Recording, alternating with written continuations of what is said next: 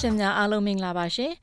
2023ခုနှစ်ဇူလိုင်လ28ရက်တောက်ကြနေ့အတွက်ရသပြသတင်းတွေကိုတင်ဆက်ပေးမှာဖြစ်ပါတယ်ကျွန်မကမှုလှိုင်းသိမ့်ပါဒီကနေ့ထိတ်တန့်ရောက်နေတဲ့သတင်းတွေကတော့ဒီနေ့ဇူလိုင်လဟာမှတ်တမ်းတင်ထားတဲ့လူသမိုင်းတစ်လျှောက်လုံးမှာအပူဆုံးလအဖြစ်စံချိန်တင်တဲ့အကြောင်းဂျွန်ဆန်စုကြည်ကလွှတ်တော်ဥက္ကဋ္ဌတီခွန်မြတ်နဲ့တွေ့ဆုံဖို့ရှိသလိုအာရှရေးရာတရုတ်အထူးကိုယ်စားလှယ်နဲ့လည်းတွေ့ဖို့ရှိတယ်ဆိုတဲ့အကြောင်း အားကစားသတင်းမှာတော့ Matildas အသင်းဟာနိုင်ဂျီးရီးယားအသင်းကိုရှုံးနိမ့်သွားပေမဲ့ကမ္ဘာဖလားအိမ်မက်ကိုဆက်လက်ရှင်သန်အောင်စ조사သွားမယ်လို့ပြောတဲ့သတင်းတွေအပြင်တခြားထူးခြားတဲ့သတင်းတွေကိုလည်းနားဆင်ရမှာဖြစ်ပါတယ်ရှင်။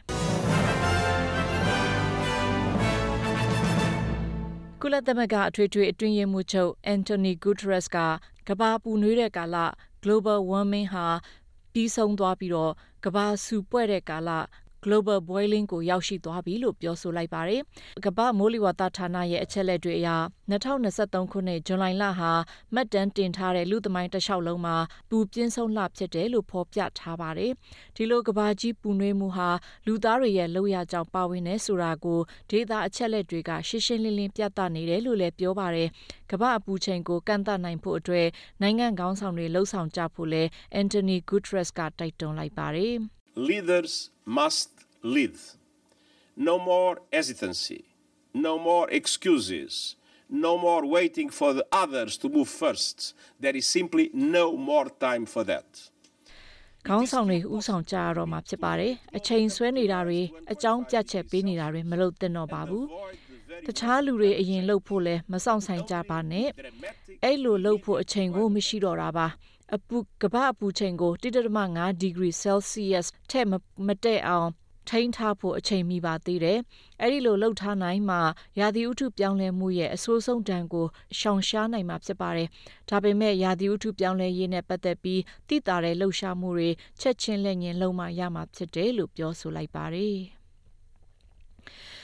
ဂရိနိုင်ငံအလဲပိုင်းမှာဖြစ်ပေါ်တဲ့တောမီးကနေ ဂရိလေတက်ရဲ့လက်နက်တွေတူလောင်ထားတဲ့နေရာမှာပောက်ကွဲမှုတွေဖြစ်ပေါ်ခဲ့ပါတယ်။အဲ့ဒီအနီးနားကဘိုလိုစ်ဆိုတဲ့ကမ်းခြေမြို့ကလူတွေကိုဘေးလွတ်ရာရှောင်ရှားခိုင်းပြီးထိခိုက်ဒဏ်ရာရမှုတွေမရှိဘူးလို့သိရပါတယ်။အခုဆိုရင်ဂရိနိုင်ငံမှာတောမီလောင်တာနပကျော်ကြာမြင့်သွားပြီဖြစ်ပြီးအဲ့ဒီမိကြောင်အ ਨੇ ဆုံးလူပေါင်း9ဦးသေဆုံးခဲ့ရပြီဖြစ်ပါတယ်။ ဥရောပသမဂ္ဂရဲ့အကူအညီအပါအဝင် မိသားသမားယာနဲ့ချီဟာ Rhodes Island, Corfu နဲ့ Evia တို့မှာမင်းငိမ့်တတ်နိုင်ဖို့အစွမ်းကုန်စူးစမ်းနေကြဆဲဖြစ်ပါတယ်။ Greek နိုင်ငံဝန်ကြီးချုပ်ကရာသီဥတုပြောင်းလဲမှုနဲ့ဆက်ဆက်ပြီးဒီထက်မကလှုံ့ဆော်မှရတော့မယ်လို့မှတ်ချက်ပြုခဲ့ပါတယ်။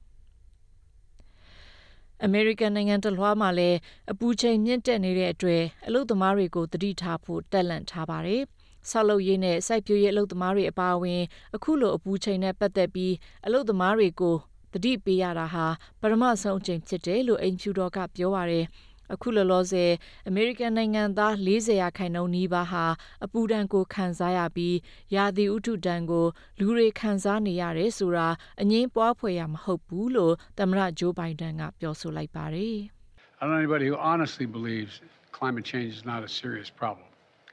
Just take a look at the historic floods in Vermont and California earlier this year. Droughts and hurricanes that are growing more frequent and intense.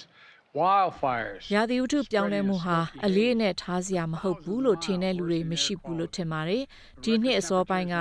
ဘာမောက်နဲ့ကယ်လီဖိုးနီးယားမှာဖြစ်တဲ့ရေကြီးမှုကိုပဲကြစ်လိုက်ပါ။ပြီးရင်မိုးခေါင်ရေရှားမှုတွေနဲ့ဟာရီကိန်းမုန်တိုင်းတွေဟာလည်းအရင်ကထက်ပိုပြင်းထန်ပြီးဖြစ်ပွားတဲ့အရေးအတွက်ကလည်းပိုများလာပါတယ်။ တောမီလောင်မှုနဲ့ မီးခိုးငွေတွေဟာလည်း မိုင်ပေါင်းထောင်နဲ့ချီတဲ့အထိပြန့်နှံ့မှုဖြစ်ခဲ့ပါတယ်။စံချိန်တည်တဲ့အပူချိန်တွေရဲ့ဒဏ်ဟာ အမေရိကန်နိုင်ငံသားတန်းတရာကျော်အပေါ်တက်ရောက်မှုဖြစ်နေတယ်လို့ပြောသွားခဲ့ပါတယ်။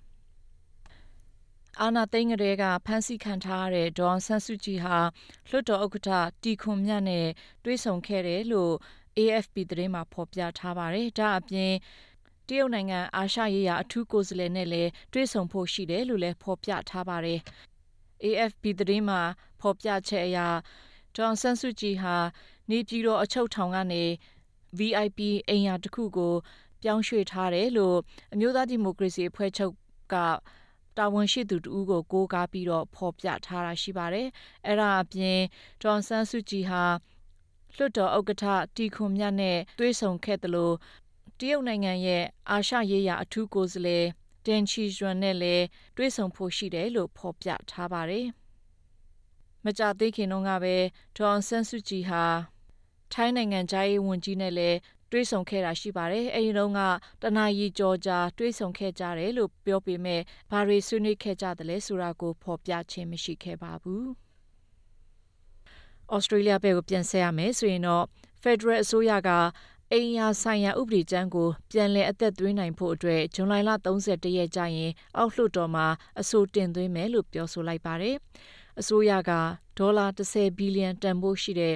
Housing Australia Future Fund ကိုအကောင့်ထဲပေါ်နိုင်ဖို့အရင်တုန်းကအဆိုတင်သွင်းတာရှိပေမဲ့လည်း Green Party နဲ့ Liberal National ညွန့်ပေါင်းတို့ကကန့်ကွက်တဲ့အတွေ့အထက်လွှတ်တော်မှာ March လကတည်းကရပ်တန့်နေခဲ့တာဖြစ်ပါတယ်။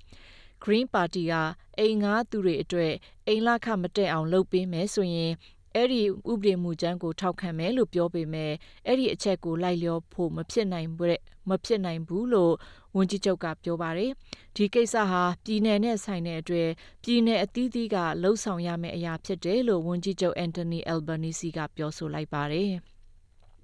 အတိုက်ခံ Liberal Party ရဲ့ဒုခေါင်းဆောင်ဆူဇန်လီကတော့ အဲ့ဒီဥပဒေမူကြမ်းအထက်လွှတ်တော်မှာမအောင်မြင်တဲ့အကြောင်းရင်းကတော့စိုးဝါတဲ့မူကြမ်းဖြစ်နေတဲ့အတွက်ဖြစ်တယ်လို့ပြောဆိုလိုက်ပါတယ်။ဥပဒေကြမ်းကအိမ်ဈေးကြီးမားလွန်းတဲ့အကြောင်းတွေဆောက်လုပ်ရေးသမားတွေကြုံတွေ့ရတဲ့အခက်အခဲအကြောင်းတွေကိုဖြေရှင်းပေးဖို့မပါဘဲနိုင်ငံရေးကစားတဲ့အတွက်မအောင်မြင်တာဆိုတဲ့သဘောမျိုးနဲ့ပြောဆိုသွားခဲ့ပါတယ်။အမေရိကန်နဲ့ဩစတြေးလျနိုင်ငံခေါင်းဆောင်တွေ တွေ့ဆုံကြတဲ့ Osmin ဆွေးနွေးပွဲမှာ Pacific ဒေသအရေး ကာကွယ်ရေးနဲ့ လုံခြုံရေးအကြောင်းတွေကို အဓိကထားပြီး ပြောဆိုဆွေးနွေးသွားမယ်လို့ နိုင်ငံခြားရေးဝန်ကြီး Penny Wong က ပြောဆိုလိုက်ပါတယ်။ American နိုင်ငံ နိုင်ငံခြားရေးဝန်ကြီး Anthony Blinken ကာကွယ်ရေးဝန်ကြီး Lloyd Austin တို့ဟာ Australia နိုင်ငံခြားရေးဝန်ကြီး Penny Wong ကာကွယ်ရေးဝန်ကြီး Richard Marles တို့နဲ့ Queensland မှာတွေ့ဆုံဖို့ရှိပါတယ်။ဒီကနေ့မှာဝန်ကြီးချုပ် Albanese ကနေ့လည်စာနဲ့တည်ခင်းအခန့်ခဲ့တယ်လို့သိရပါတယ်။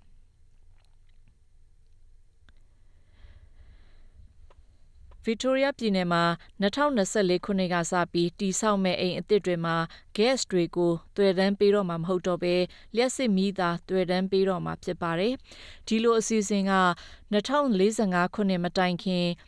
ညဉ့်ညမ်းကာဗွန်ဓာတ်ငွေထုတ်လုပ်မှုတုံညရှိရမယ်ဆိုတဲ့ zero emission ပြစ်မှတ်ကိုရောက်ရှိစေမယ်လို့ပြည်내အစိုးရကပြောဆိုပါတယ်။လူတွေအနေနဲ့နေစွမ်းအင်လိုပြန်ပြစ်မြဲစွမ်းအင်တွေကိုပုံမသုံးစွဲအောင်ဆိုလာပြားဈေးတွေဆိုလာပြားတွေ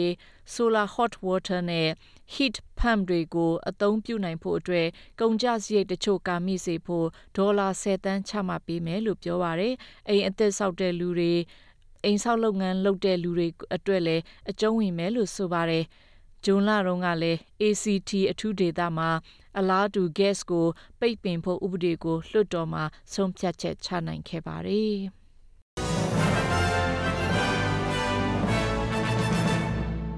အာကစားသတင်းဖက်မှာတော့ FIFA ကမ္ဘာဖလားအမျိုးသမီးဘောလုံးပွဲမှာ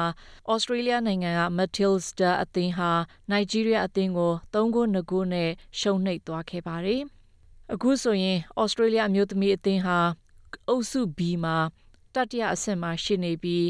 နိုင်ဂျီးရီးယားနဲ့ကနေဒါတို့ကရှစ်ပြေးနေပါတယ်။လာမယ့်တနင်္လာနေ့ကျရင်ဩစတြေးလျအသင်းဟာကနေဒါအသင်းနဲ့မဲလ်ဘန်းမြို့မှာရှင်ပြိုင်ကစားရမှာဖြစ်ပြီးအဲ့ဒီပွဲမှာနာမည်ကြီးကစားသမားဆမ်ကာပြန်ကစားနိုင်မလားမကစားနိုင်ဘူးလားဆိုတာကိုမသိရသေးပါဘူး။ဒါပေမဲ့အဲ့ဒီအဖွဲ့ကကစားသမား Emily Van Egmond ရဲ့အဆိုအရသူတို့အနေနဲ့ ကနေဒါကိုအနိုင်ရဖို့အတွက်အာရုံပြုထားပြီးအနိုင်ရဖို့မျှော်လင့်နေတယ်လို့လည်းပြောဆိုလိုက်ပါတယ်။နောက်အားကစားသတင်းတစ်ခုမှာတော့ဩစတြေးလျနိုင်ငံကအမျိုးသမီးရေကူးအသင်းသင်းဟာကမ္ဘာ့စံချိန်အသစ်တင်နိုင်ခဲ့တယ်လို့သိရပါတယ်။ဂျပန်နိုင်ငံမှာကျင်းပတဲ့ World Aquatic Championship ပြိုင်ပွဲမှာ900မီတာ freestyle ပြိုင်ပွဲမှာပြိုင်ပွဲအတွင်းဩစတြေးလျအမျိုးသမီးအသင်းတွေကဘိုလ်လုပွဲမှာ9မိနစ် 39.5စက္ကန့်နဲ့အသာရလို့ကမ္ဘာ့စံချိန်တစ်ကိုတင်နိုင်ခဲ့တာဖြစ်ပါတယ်။ဂျပန်နိုင်ငံမှာကျင်းပတဲ့ချန်ပီယံရှစ်ပြိုင်ပွဲမှာဩစတြေးလျကရွှေတံဆိပ်9ခုရရှိတယ်လို့လည်းသိရပါတယ်။